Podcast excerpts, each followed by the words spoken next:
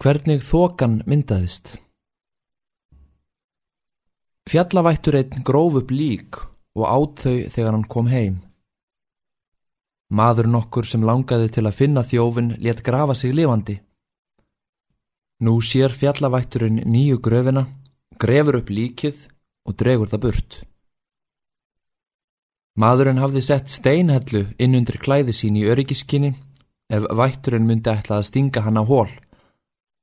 Hann gerði sig eins tungan og hann gata á leiðinni og greipi víðuruna og því varð vætturinn að beita öllum kröftum. Loksins komst hann heimað húsi sínu og skellti nú burðarólunum með líkinu á gólfið. En hann var alveg uppgefin og fór því beint að sofa.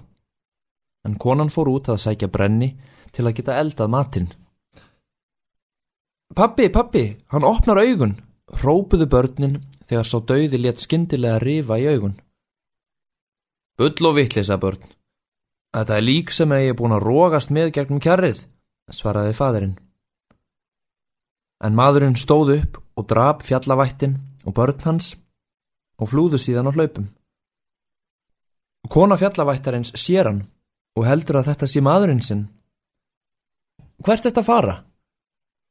Maðurinn svaraði ekki, heldur hjælt áfram á hlaupunum og konan sem nú fór að gruna margt hljópa á eftir honum. Þegar komið var niður á lálendi rópaði maðurinn.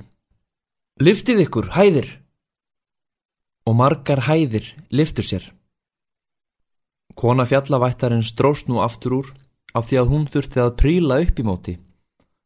Flóttamadurinn kemur nú að lítilli á sem hann stekkur yfir.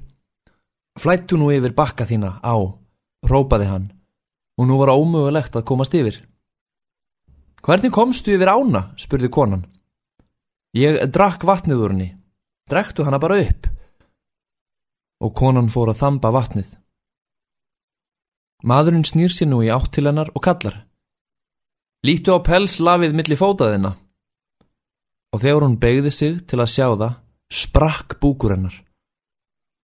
En um leiðu hún sprakk stóð vaskufan upp af henni og varð að þóku sem enn þann dag í dag sveimar hér út á milli fjallana.